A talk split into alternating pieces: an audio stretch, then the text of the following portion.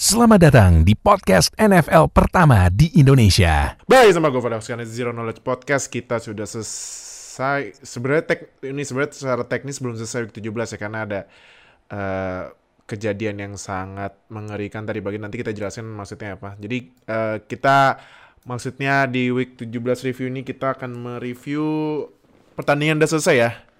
Yes. Karena ada satu yang yang tadi gue bilang karena ada kejadian mengerikan jadi di suspended tuh yang paling kanan bawah.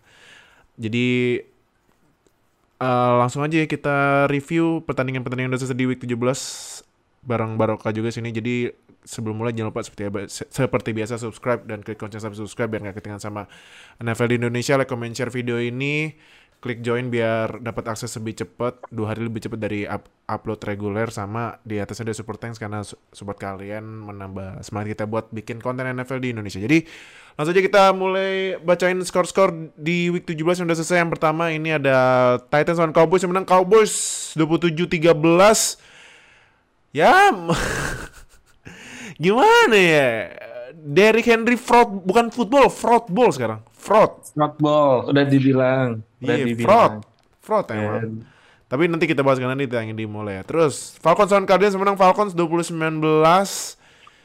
Ya, ini udah gak lolos dulunya. Terus Patriots lawan Dolphins menang Patriots 23 21 ini karena tua Tanggo Valewa lagi-lagi kena concussion ya untuk ketiga kalinya jadi nggak main dan kemungkinan besar week 18 gak main.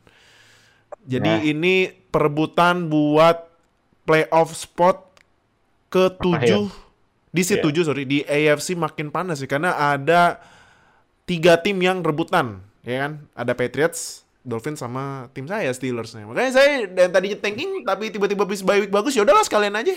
Bagusin aja sekalian lah ya. Terus Eagles lawan Saints menang Saints 20-10 ini game kedua tanpa Jalen Hurts game, game kedua tanpa Jalen Hurts lagi-lagi jelek tapi menurut gue ya kalau menurut gue ya Menurut gue yang bikin ngaruh jelek bukan karena gak ada Jalen Hurts. Karena gak ada Lane Johnson. Hmm. Lihat ya, yeah. kalau lihat highlightnya di left tackle, eh, Lane Johnson di right tackle ya. Right tackle gak ada Lane Johnson, gila tembus mulu, parah. Kacau. Kacau banget. Jadi menurut gue sih faktor utamanya bukan karena Jalen Hurts gak main, karena Lane Johnson gak main. Karena Lane Johnson sekarang tackle terbaik di NFL gitu. Terus Giants lawan Colts yang menang Giants 38-10 dan akhirnya Giants kembali ke playoff setelah terakhir tahun 2016 yang abis itu mereka mengupload foto di... that infamous foto ka, oh, ini foto di kapal ya. Yeah. yang katanya jadi jinx uh, jinx Giants gak pernah masuk playoff akhirnya dipatahin sama coach baru Brian Dable. Dable, Dable, sorry, Dable. Dan kemarin de, apa Daniel Jones mainnya gila ya, gokil banget. Kaget gue, tiba-tiba berubah. Empat touchdown loh. Iya. Empat touchdown. Gue masih inget banget fans Giants pas ngedraft Daniel Jones di bu gitu kan, dikata-katain, eh sekarang ditepuk tanganin, eh bang. Gak cuma gitu ditepuk ya. tanganin tuh, itu sampai diteriakin MVP, MVP. Iya. Wah. Iya MVP, uh, memang nih fans New York ini memang sangat-sangat penuh dengan ide ya kalau ngecan ya. New York itu selalu antusias kalau timnya tiba-tiba lagi bagus gitu. Iya benar-benar. Kalau jelek udah ditinggalin. Hmm. Terus Buccaneers sama Panthers menang Buccaneers 32-4 akhirnya Buccaneers masuk playoff dengan title juara NFC South walaupun rekornya 8-8. yeah. Dan ada kali mungkin di fantasi yang masang Mike Evans. Mike Evans. Uh, gila. 3 touchdown 200, 200 plus yards. Uh. yards. Dan wow. Mike Evans kembali mencetak 1000 plus yards 9 musim beruntun dan itu dari dia rookie loh. Gila ya. Wow. Menurut lu, ah tapi ini tapi Buccaneers Panthers kan ditanya mulai nanti kita bahas ya tentang oh, Mike iya. Evans ya. Ini juga padahal Buccaneers sempat ketinggalan tapi ya Brady. Brady. Terus Chiefs lawan Broncos yang menang Chiefs 27-24. Ya ini memang ya seperti biasa Chiefs kalau ketemu Broncos suka trap game ya. Pagi ini rivalry satu divisi kan. Terus Lions lawan Bears menang Lions 41-10. Yikes. Uh. Uh, gila sih. Tapi Eh, ini buat di week 18 ada playoff implication-nya yang sangat menarik loh. Tapi cuman gue lupa bikin tapi gue sebutin ya nanti aja, nanti aja. Oke. Terus Commanders lawan Browns menang Browns 24-10 nih kayaknya Deshaun Watson udah mulai nge- udah mulai ini ya, udah mulai cocok ya, udah mulai nyambung ya sama receiver-nya ya. Sudah kita sudah gue bilang itu hanya nunggu waktu aja. Nah. Kan dia masih adjustment, dia masih baru masuk week 12, week 11 gitu kan baru Hmm. mas balik latihan sama Cleveland Browns. Habis itu main di week 12. Tinggal nunggu waktu aja biar dia mulai uh, terbiasa gitu, teradaptasi. Dan sekarang Cleveland Browns, aduh, gue in, di satu sisi tuh pengen lihat Deshaun Watson thrive gitu. Tapi Mm-mm. di sisi lain gue pengen mereka kalah terus loh. Gue pengen mereka tuh kalah. Karena pick Hmm. mereka tuh ada di ada di Texans. Terus Nah, ini Texans dan Jaguars menang Texans ya. Texans bodo amat ya. 3-1-3. Ini Jaguars eh, sekarang sementara beda satu game lawan Titans, tapi penentuan siapa yang mewakilkan AFC South masuk playoff nanti di week 18 ya. Pas Jaguars ketemu Titans.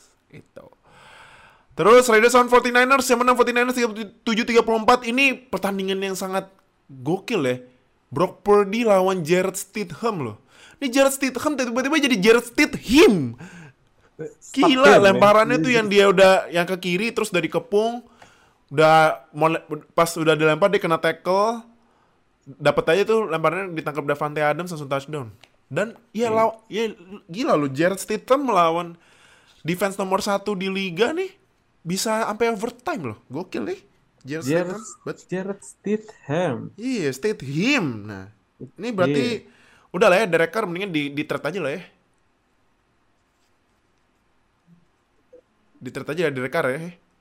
Oh, uh, maybe ya. Gue gue tadi sambil ngitungin stats-stats menariknya dari Raiders. Lagi-lagi pertandingan kemarin lawan 49ers adalah kekalahan mereka yang ke berapa ya? Yang Keenam kalau mereka di mana mereka kalah hanya dengan one score game. Iya. 6 apa 7 gitu. Gue aduh Raiders bodo amat lah kalau udah skor tipis ya udahlah. Lah, 8 atau Hancur. 9 nih, 8 atau Iya. 9 kalau gue lihat. Iya, aduh parah banget sama Raiders. Rusak, Next. rusak. Iya, next Seahawks lawan Jets menang Seahawks 23-6. Seahawks masih ada peluang masuk playoff ya. Jets sayangnya ah gak udah apa Lima. udah tersingkir dari playoff 5 losing streak loh.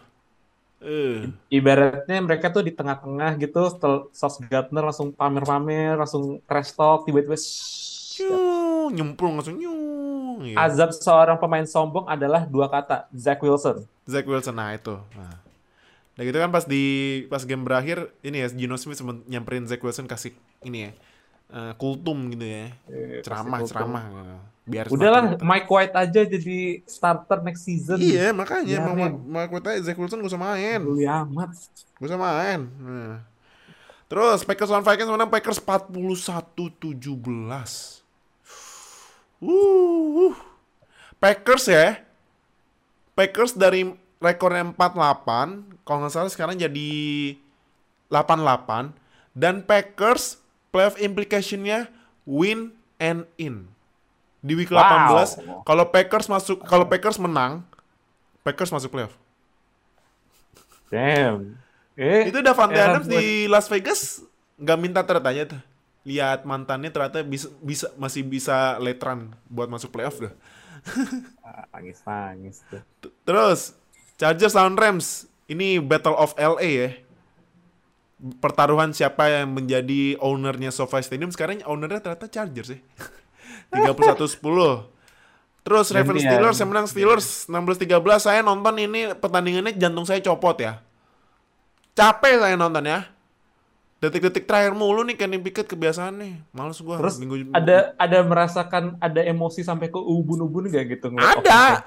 ada pasti ada. Apalagi tuh ada penalti yang menurut gua nggak nggak penting tapi dibikin juga. Tapi tapi tapi nanti aja karena ditanya. Nah, dan terakhir juga nih ini ya Bengals lawan Bills yang ini udah ketulis ya suspended karena uh, kejadian yang nanti kita bakal jelasin ya.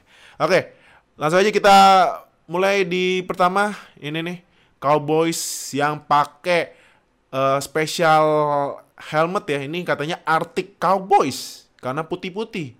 Kan helm Cowboys itu warnanya abu. Scarlet apa sih? Abu gitu lah ya. Nah, ini Iya. putih-putih menang lawan Titans. Nah, ini Cowboys karena Eagles lagi dua losing streak dan NFC East belum di belum fix nih siapa ya juaranya. Menurut lu Cowboys bisa nggak juara NFC East? Depends on last game aja sih. Tapi kalau peluang pasti ada. Hmm. Dallas Cowboys week 18 ya. Gua rasa dia mereka tuh udah jadi matchup nightmare juga buat tim-tim lain ya yang punya Hmm. potensi untuk ngeru apa punya potensi untuk ngerusak skema playoff di, uh, di NFC. Sekarang mereka udah six uh, six wins out of seven, Mhm, uh, 6-2 setelah bye week mhm. next week mereka akan bertandang ke Washington. Dan gua rasa sih Washington saat ini hampir bisa dibilang kecil peluangnya untuk masuk playoff. Jadi mungkin mereka nggak akan terlalu push banget Mhm. untuk ngalahin Cowboys dan Cowboys kemenangan next kalau misalkan mereka menang next week itu adalah kemenangan yang krusial karena mereka bisa masih ada peluang dapat first first round bye kalau nggak salah ya. Hmm. Gue rada lupa. Vikings juga kalah kan. Viking kalah. Jadi- Kalau nggak salah Viking sekarang turun di seat ke tiga. Kedua sekarang 49ers. Tapi ya kan Eagles kalau mau eh Cowboys kalau mau seat satu kan mesti nyalip Eagles. that's buat the point. Ya. Jadi eh, Eagles sendiri mereka bakal ngelawan Giants. Jadi eh, Hmm. NFC East tuh udah eh, ketemu semua tuh di satu eh, di satu week. Hmm. Gue rasa Cowboys akan dapat matchup yang lebih eh, gampang dibandingkan Eagles. Karena Giants walaupun udah masuk playoff tapi mereka mencoba untuk benerin seeding mereka supaya mereka nggak harus ngelawan tim-tim yang bisa dibilang susah buat mereka. Karena sekarang Giants ada di seat 7, mereka mungkin prefer masuk ke seat 6 atau seat 5. Mhm. Walaupun ya seat, kalau seat 5 jelas nggak mungkin sih, karena an- pilihannya antara Eagles atau Cowboys. Nggak akan Mhm. bisa menang gitu rekornya. Tapi seat 6 kayaknya masih bisa ya, kayaknya masih bisa. But eh, Eagles juga punya ah, ya motivasi untuk ngejar kemenangan lagi di di last week. Mhm. Jadi ini pertaruhannya adalah first round bye. First round bye, first seed untuk NFC antara Eagles atau Cowboys. Hmm. Jadi if Eagles lose, gue lupa head to headnya bagaimana antara Eagles sama Cowboys. Eh, ya megang kalau nggak salah ya, kalau nggak salah yang megang Cowboys deh. Ntar gue cek dulu ya sambil ini ya. Uh, Kalau uh, salah ya, nggak satu-satu, salah. ya. Tadi gue baru lihat lagi Eagles sama Cowboys head to headnya itu satu-satu. Oh iya, satu-satu, Dan iya satu-satu, ya satu-satu. Berarti mereka bakal terpengaruhnya tiebreakernya adalah ke Division, division win ya? division Eh, record. division record, division Iya. record. Ada sih harusnya ya eh, bisa menang dengan syarat Eagles kalah lawan Giants. Nah, Dan itu menurut dan itu menurut gua lebih mungkin dibandingkan kayak dua-duanya kalah atau dua-duanya menang gitu. Hmm, oke. Oke. Nah, ini gimana nih? Sekarang kita manggil bukan Titans ya. Derrick Henry Football Team ya. Ini Titans udah kalahnya 6 6 6 losing streak kalau nggak salah ya. Nih, gue cek nih. Eh, Titans ya 6 losing streak. Sama kayak Colts. Dari rekor 7-3 jadi 7-9. Jaguars sekarang lagi 4 winning streak. Ya, lu udah ber- bilang berkali-kali kan Derrick Henry Football Team memang fraud ya, itulah. Kelihatan kan? Aduh. Lu gue gue mencoba bilang gitu. That offense gak akan bisa berhasil di playoff. Ah, mereka uh, points uh, offense scoring mereka adalah bottom five di NFL. NFL bukan NF, bukan AFC, bukan NFL ya, bukan AFC. AFC doang ya. NFL. Mereka nomor 28. 17,6 poin per game. Terus juga mereka uh, passing offense-nya juga one of the worst. Habis itu juga apalagi defense-nya, defense-nya itu benar-benar kena torch mulu dari kemarin. Mhm. Entah, entah itu lawan Bengals, lawan Eagles, lawan Jaguars, lawan Chargers, lawan Chiefs. Hmm. Semua semua itu tahu kalau their team is not very good, tapi kebantu sama beberapa kemenangan yang bisa dibilang sangat bisa beralih ke pihak lain. Bisa Mhm. jadi L buat mereka sebenarnya. Jadi ya rekor mereka sekarang 79 ya gue nggak kaget. Gue udah bi- gue udah merasakan kalau ini tim nggak perlu ditakutin sama tim lain. Iyalah. Lu mau nakutin sal- selain Derrick Henry, lu mau takut sama siapa di offense-nya? Ryan Tannehill gitu? Traylon Burks? Ah. Kemarin aja Austin Hooper? aja. Iya, kemarin aja kibinya aja pakai kibi yang baru desain hari apa minggu kemarin ya, Joshua Dobbs. Joshua Dobbs loh. Itu bahkan nggak pernah Willis. start. Itu bahkan nggak pernah starting di Steelers. Iya, makanya iya nggak pernah di, di Steelers. Gue nggak pernah nonton dia starting Steelers. Jadi ya udah, gue kita nggak ada yang kaget kalau misalkan mereka sampai downfallnya sejauh itu.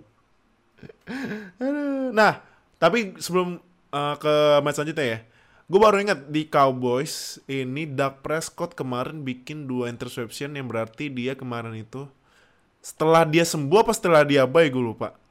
Dia bikin turnover 6 game beruntun. Kenapa ini Dak ya? 6 game beruntun loh, bikin turnover, interceptionnya udah berapa puluh kali gitu. Hmm. Kenapa ya? tapi Gua ya gitu gitu sih kalau iya. bisa menang-menang juga tapi kan kan ini abisnya tapi ini kan ini kan ngerinya pas buat di playoff ya cuman apa ya Dak ya Eh, agak misterius juga sih karena besides the turnover eh, udah 14 interception wow itu career high-nya dia kalau nggak salah. Mhm. gue rasa sih secara game dia nggak nggak nggak berubah dari musim lalu ya. Kayak Mhm. still the same Dak Prescott yang salah satu top 10 QB di NFL passer ratingnya juga tetap bagus. Ya so-so lah sebenarnya dibandingkan musim lalu. Dan touchdown-nya agak jatuh karena dia punya dua tam- dua running back yang bisa diandelin sama bisa dia diandalkan ya mereka punya Tony Pollard, mereka punya Ezekiel Elliott, dan musim ini gua rasa emphasize-nya dari Cowboys itu banyak beralih ke running game. Mhm. Balik lagi ke offense zaman ketika Dak masih rookie atau sophomore. Mhm. Mereka nggak mereka nggak akan terlalu banyak ngandelin Dak kalau dulu, tapi sekarang Dak is a franchise quarterback.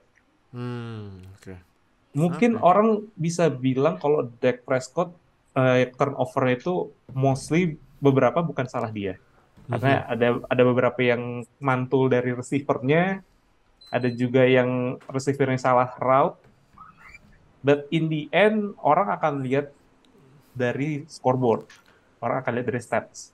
iya Dan orang ngelihat Dak Prescott dengan 14 interception iya dan itu adalah karya high-nya dia. Orang bakal langsung ber ini langsung asumsi oh Dak itu overrated Hmm. dan lu nggak mau lah lu udah bayar 40 plus million per year Hmm. untuk QB yang dibilang sama orang overrated. gue gue nggak tahu apakah uh, Jerry Jones mau komentar tentang itu, but at the end untungnya interceptionnya dari Dak nggak ngaruh banyak ke performanya dari Cowboys. Especially gue applaud banget sama one of their de- uh, their defense, terutama di bagian ter- takeaways mereka. Mereka one of the best defense dalam hal forcing turnovers Mhm. dan gua rasa sih Dan Quinn itu salah satu pembeda buat Cowboys dibandingkan pas Dak Prescott yang belum punya good defense gitu. Mhm. Kalau dia punya decent defense itu dia gua rasa bisa berbicara banyak di playoff. Hmm. Itu dia. Jadi gua rasa Dak still a very good quarterback tapi mungkin in some place dia harus coba untuk lebih sabar aja. Hmm, oke oke. Oke. Sip. Next ya. Yes. Patriots sama Dolphins sebenarnya Patriots 23 21. Menurut lu nih ya, eh ini yang bakal dapat masuk playoff siapa nih? Patriots atau apa Dolphins? Karena kan dua tim ini eh, udah unggul head to head kan sama Steelers karena Steelers kan nggak si menang kan, nggak pernah menang sama sekali lawan AFC East. Kalau lu suruh pilih satu nih Patriots atau Dolphins, siapa yang worth masuk playoff? Buat seat nomor 7. Gue melihat New England punya peluang lebih baik dibandingkan Miami saat ini. Mhm. Dengan berita uh, Dolphins masih belum ada kabar terkait Tua, Mhm. terus juga gue ngeliatnya passing offense mereka still very fast, tapi kayak mulai nggak beraturan gitu, mulai nggak mulai nggak berirama. Mhm. But I still think ini masih yang peluangnya antara dua tim ini 50-50 karena eh Patriots itu akan melawan Bills di Mhm. last week di Buffalo. Ya nanti uh, akan kita bahas untuk yang Bills-nya. Tapi Bills uh, week 18 tetap akan coba push untuk masuk uh, first seed. Sama kayak uh, Cowboys Mhm. ataupun Eagles. Mereka masih coba untuk push buat dapat bye week di playoff.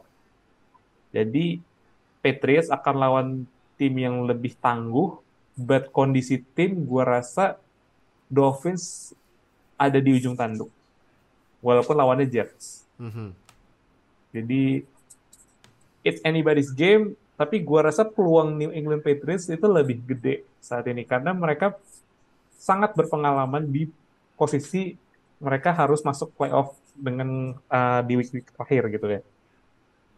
Apalagi main di dingin. Dolphins sejak Desember masuk musim dingin langsung ini beku mereka Mhm. ice cold gitu. Jadi gua rasa Patriots punya peluang lebih besar dibandingkan Dolphins saat ini.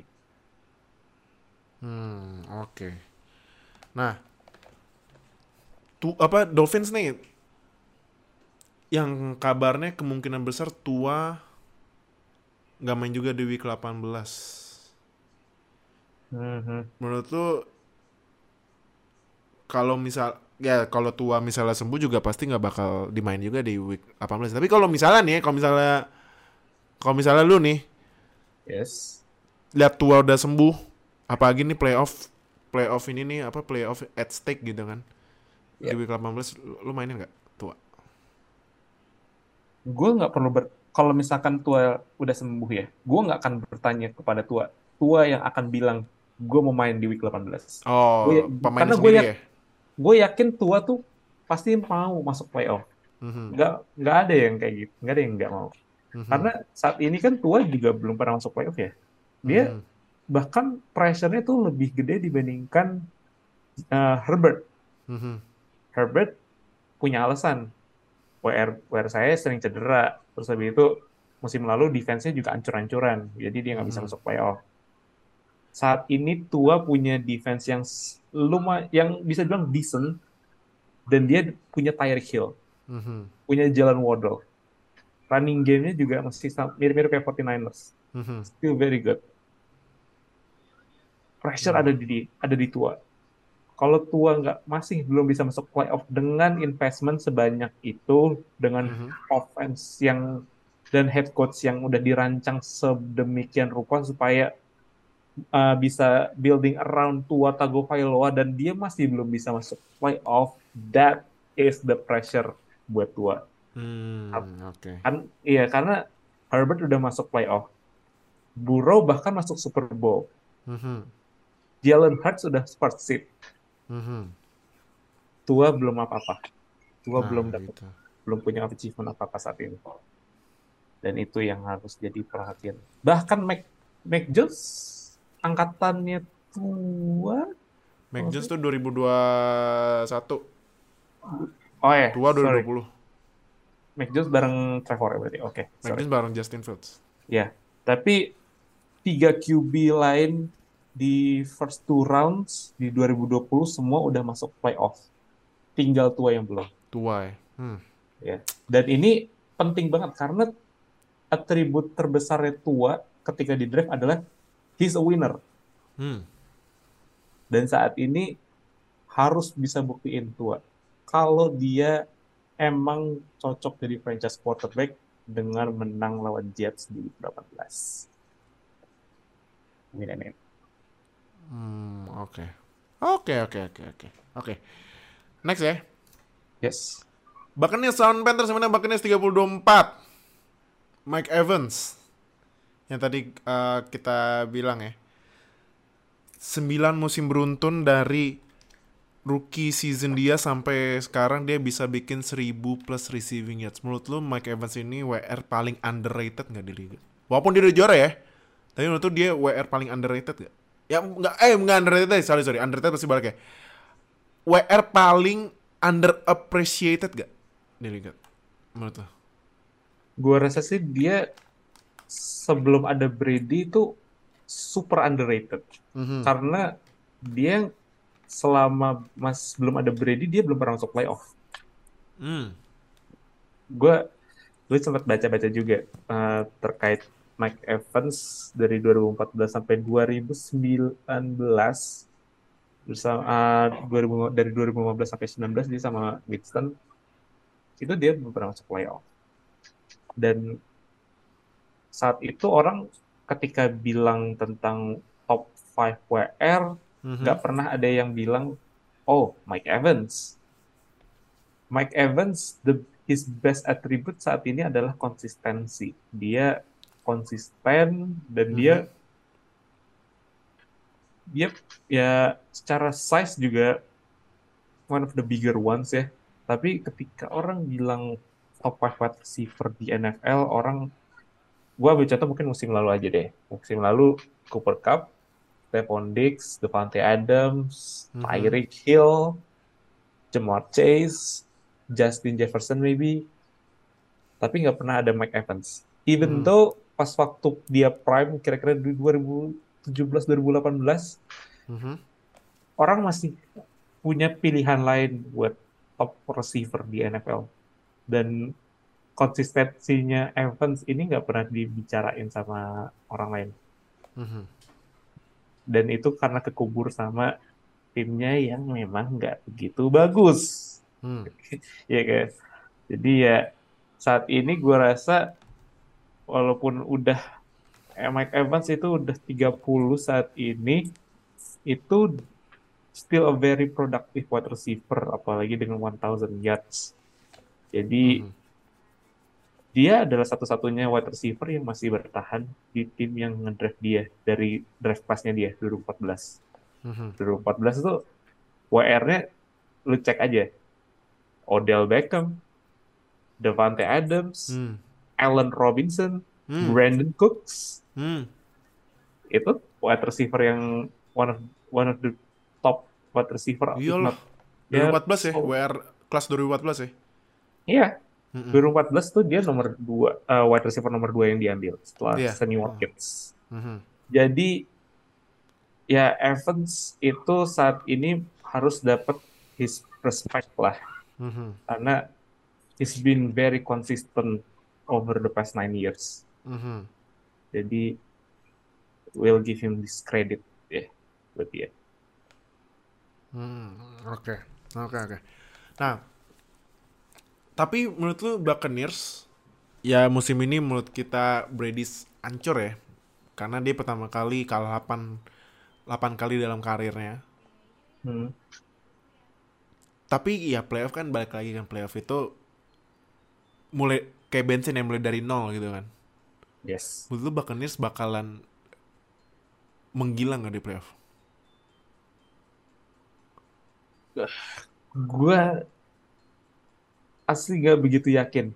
Oh, Karena- kenapa? Seat 4 itu mereka bakal lawan antara Eagles atau Cowboys. Aha. Gua rasa their defense akan agak kesulitan ketika lawan running game-nya Eagles ataupun Cowboys. Mhm. But gue rasa mereka bisa kom bisa compete lah, bisa bikin match up-nya alot. Hah. Tapi gue nggak akan, tapi gimana ya? Gue juga nggak mau bet against Tom Brady sih. Asli. Tom Brady, Tom Brady kalau udah masuk playoff tuh magicnya ada aja gitu. Iya sihirnya. makanya ada aja ada em- sulapnya ada emang. Bukan sulap, bukan sihir, 45 tahun gitu. Aha. Jadi gue di satu sisi gue gak yakin mereka bisa compete lawan Eagles ataupun Cowboys. Tapi di sisi lain tuh gue gue gak berani untuk bilang Brady is washed. Brady Mhm. gak akan jago di playoff. I think ini bakal menarik banget sih. Kalau misalkan antara Eagles uh, versus Bucks atau Cowboys versus Bucks. Storyline-nya itu masing-masing ada sendiri. Cowboys Bucks ya ya salah satu tim dengan brand terkuat lawan pemain dengan brand terkuat gitu kan. Marketingnya tuh oh NFL seneng kayak gitu. Eagles lawan Buccaneers, Brady punya chance untuk revenge lawan Ah. Eagles. Dan gue rasa playoff itu adalah eh, playoffnya ini ya sesuatu yang harus ditunggu nih. Karena Buccaneers kayaknya udah clinch playoff belum ya? Atau masih harus win and in lagi? Kenapa? Kalau Buccaneers. Playoffnya Iya, udah Win fix dia juara NFC South, udah fix. there you go. Berarti ya udah fix dan udah fix seat 4 ya. Ya udah seat 4 lah siapa yang mau ngejar juga. Iya. Jadi ya expect something surprise, eh, surprising dari Brady as always. Ah, oke. Oke, oke, oke. Nah, Panthers, menurut lu apakah tetap lanjut sama head coachnya sekarang? Ya, interim head coach ya. Kan sekarang pakai Steve Wilkes ya. Hmm. Menurut lu tetap lanjut atau mulai merayu head coach yang kemarin sempat memutuskan nggak apa batal latihan tapi katanya pengen balik lagi Sean Payton. Nah, menurut lu tetap sama Steve Wilkes atau mulai panggil panggil Sean Payton? Seru banget kalau Sean Payton bisa ke Panthers. Iya, pagi sekali rival lagi kan rival satu divisi lagi. rival, Uh, satu Uh. rival dengan New Orleans Saints yang Hmm. dia udah latih selama dua, ah, 15 tahun. mhm. It will be interesting ya. Gue tertarik juga sih kalau misalkan Sean Payton melatih Panthers. Ya untuk ap- ah, untuk siapa yang akan jadi QB-nya itu kan masih tanda tanya juga sih. Gue rasa Darnold bukan jawaban buat mereka. There is a chance mereka di draft akan ambil quarterback. Hmm. Entah itu lewat trade up atau mereka ya ambil siapa pun yang available di posisi mereka. mhm. Tapi kalau itu uh, tergantung juga dengan siapa head coach-nya.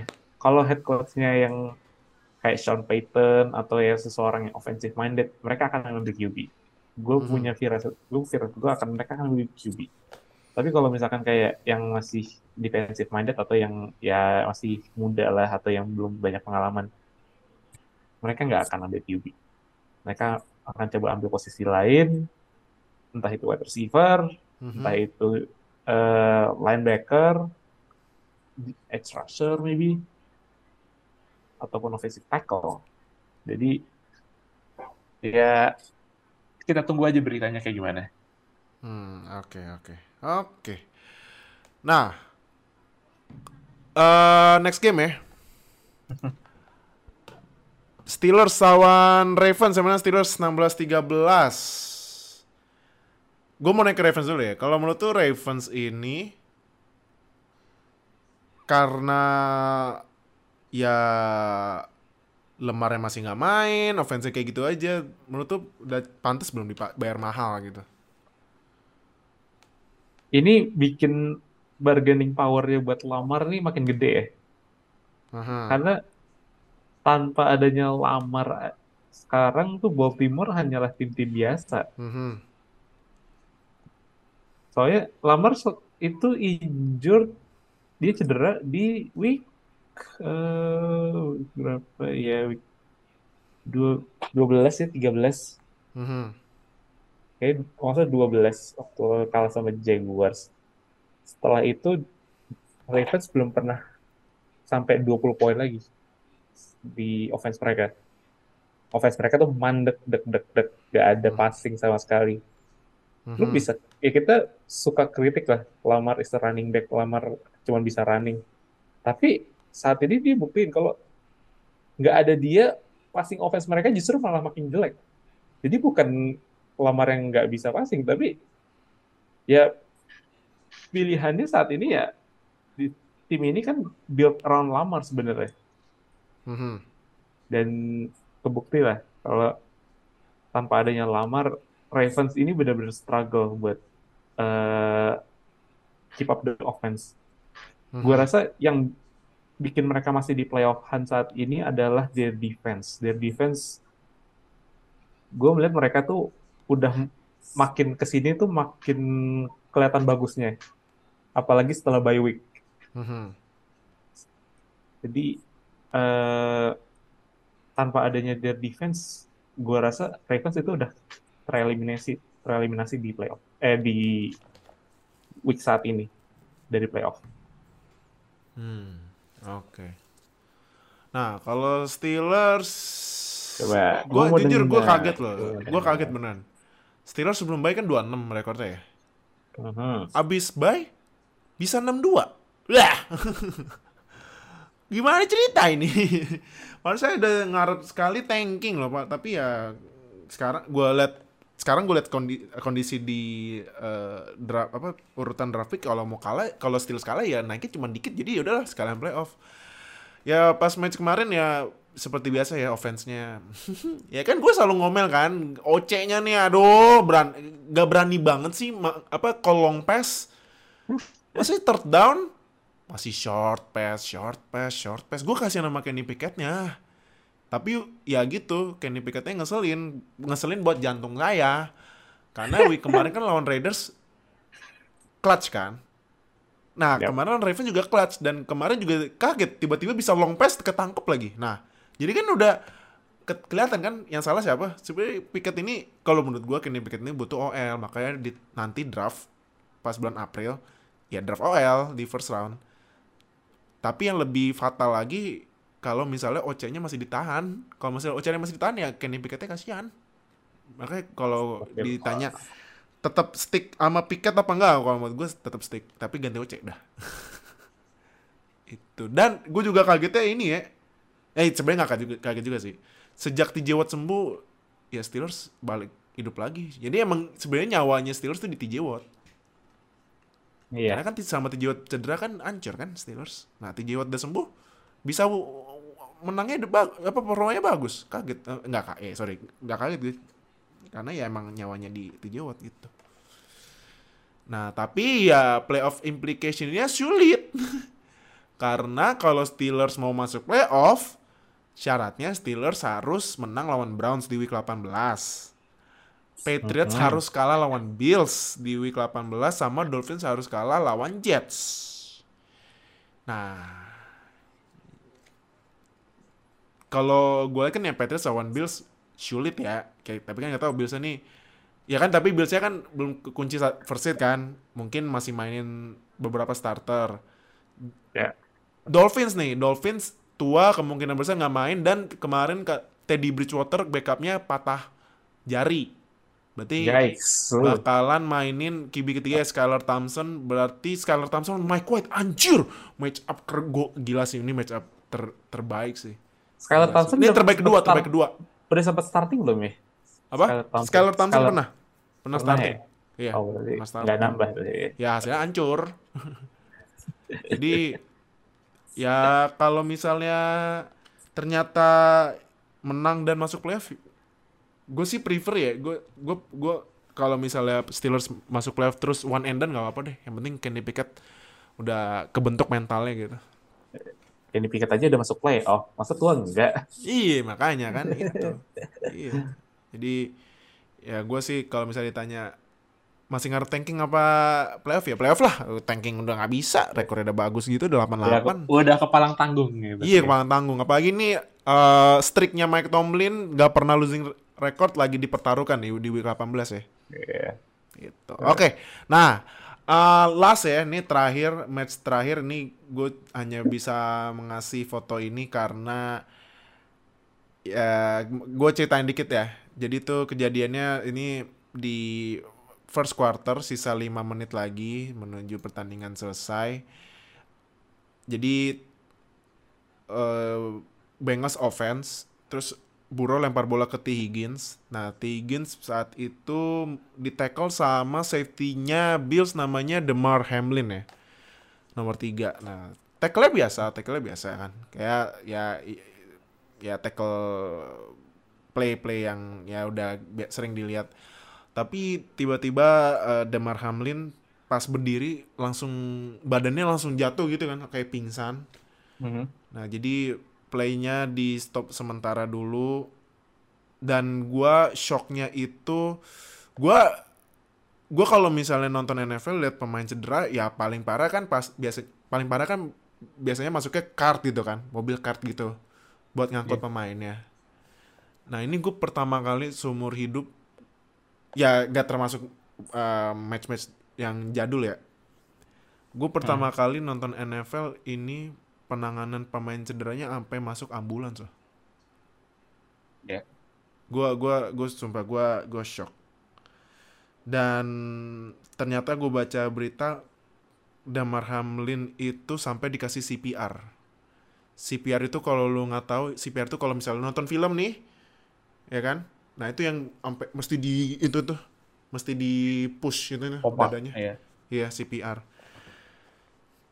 Dan abis itu Damar Hamlin masuk ke ambulans dibawa ke rumah sakit terdekat.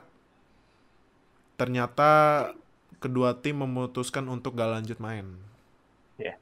Ya, jadi pem- pemain Bills sama Bengals sama semua staffnya dan head coach dan lain-lain ke locker room terus ngomongin gimana kelanjutannya maunya maunya gimana jadi akhirnya diputuskan bahwa pertandingannya ditunda kita nggak tahu kapan pertandingan ini bakalan lanjut. Masih nunggu keputusan dari komisioner Roger Goodell. Kita dari eh, kit- eh, kita dari NFL Fans Indonesia berharap Damar Hamlin bisa cepat pulih ya bisa membaik gitu kondisinya. Karena ya kalau lihat dari foto ini ya ini udah ibaratnya kalau bahasa sana udah lebih bigger than football gitu. Kak ini udah masalahnya udah nyawa gitu kan. Mungkin mung- ya mungkin kalau kita nonton di TV ah itu tackle-nya biasa nggak? Ya lu kan belum ngerasain main beneran gitu kan. Iya. ya kan? Gitu. Jadi ya kalau gue sih jangan anggap sepele semua play lah kalau NFL karena ya main pemain-pemain tuh pasti juga kalau main udah udah ini ya apa namanya udah resikoin nyawanya gitu buat main. Karena kan ya lu lu tahu kan NFL kan cedera paling parah concussion kan sama cedera ACL gitu kan. Nah ternyata tadi itu terj- apa kejadian yang menurut gua mengerikan. Jadi ya buat lu kalau bisa berharap berharap berharaplah yang terbaik buat Demar Hamlin gitu. Gitu. Ya. Eh, terus juga ternyata Demar Hamlin ini punya semacam foundation ya. Iya. Foundation gitu. Jadi dia punya foundation ini nih. Nah, ini nih. Dia punya foundation di GoFundMe. Dia itu membuat foundation untuk bikin ini ya, buat beliin mainan buat anak-anak kecil yang terdampak eh, COVID-19 ya, pas pandemi itu. Dan ternyata nih lu lihat deh, lu lihat ini ya, kursor gue ya nih, kursor gue. Lu lihat ini deh. Hmm. Padahal golnya ini targetnya 2.500 dolar. Terakhir gua ambil sekarang udah 3 juta dolar, gila ya. Wow. Gila sih. Gua gua sangat salut sama NFL community dan juga yang lainnya ya, nggak cuma NFL community Semua, aja. semua Dan fans lainnya dan semua yang semua yang ya. ya, yang udah membantu Demar Hamlin ke foundationnya. Terus juga gue baca berita di Twitter fans-fans bahkan fans Bengals pun ampe datang ke luar rumah sakitnya Demar Hamlin untuk eh, ini ya menunggu update dan juga berdoa ya. Jadi mungkin kalau kalian mau membantu foundationnya Demar Hamlin bisa cari di GoFundMe-nya atau eh, kita kan kerjasama sama ini juga sama The Amateurs ya. Kalian bisa buka Twitternya The Amateurs, buka tweetnya The Amateurs, nah mereka kasih linknya ini. Jadi eh dona gue gue udah donasi ya yang yang menurut gua udah secukupnya lah dari gua buat membantu Demar Hamlin. Kalau kalian mau donasi bisa bisa kok pakai kartu kredit, bisa pakai kartu eh, debit kartu kredit debit ya itulah namanya. Ya contoh kayak Genius gitu sama bisa pakai Google Play. Eh Google kok Google Play sih sorry maaf. Google Pay. Google Pay itu. Jadi ya kalau kalian mau membantu Demar Ham- Hamlin via foundationnya bisa ke sini. Jadi eh itu ya buat review di week 17 kita nggak kasih lihat peringkat sementara playoff picture sama draft order ya karena kita masih menunggu kepastian kapan pertandingan Bengals lawan Bills di reschedule ya. Ya, Kalau akan di reschedule ya. iya, Kalau enggak, ya Iya. mungkin ada yang forfeit. iya. Mung- mungkin bis mungkin mungkin di reschedule hari Kamis waktu sini bisa. Itu- Kayak sih kalau paling paling paling mungkin Kamis WIB ya. Karena kalau Rabu nggak mungkin. Tadi beritanya pemain-pemainnya Bill sudah pada terbang balik ke Buffalo. Nggak bisa, masa bolak-balik ya kan? Yep. Nah, jadi kita tunggu aja keputusan dari Ro- eh, Komisioner Roger Goodell. Jadi eh, itu review buat week 17. Thank you yang udah nonton, thank you udah dengerin, thank you Oka udah join seperti biasa. Jadi jangan Thank you lupa so much. seperti biasa subscribe dan klik lonceng, klik lonceng samping subscribe biar nggak ketinggalan berita NFL Indonesia. Like, comment, share video ini, klik join biar dapat akses lebih cepat. eh, dua hari lebih cepat dari upload, upload reguler dan juga klik super thanks karena support kalian membangkitkan semangat kita buat bikin konten NFL di Indonesia. Jadi, thank you udah nonton dan dengerin. Sampai ketemu minggu depan di week terakhir musim 2022 di week 18 apalagi buat tim-tim lu yang masih deg-degan apakah masuk apakah masuk playoff apa enggak kayak tim gua nih Steelers ya. Nah, jangan lupa tuh minggu depan week 18. Dan oh iya, gua info dikit eh, week 18 ini udah nggak ada Thursday Night Football berarti nggak ada yang main hari Jumat. Jadi Semua akan main di hari mainnya- Minggu ya. atau hari Senin kita. Ya. Jadi mainnya ha- ada dua match yang main di hari Minggu waktu Indonesia dan sisanya main serentak di hari Senin waktu Indonesia. Jadi karena di week 18 itu hari Minggu paginya adalah AFC South Title Show Showdown nih antara Jaguars lawan Titans kita kemungkinan besar bakal ngelarin nobar. Jadi tungguin aja infonya di sosial media kita. Jadi thank you udah nonton dan dengerin sampai ketemu di week 18 review minggu depan ya. Dadah semuanya. Bye-bye. Terima kasih telah mendengarkan podcast NFL pertama di Indonesia. Sampai jumpa di podcast edisi selanjutnya.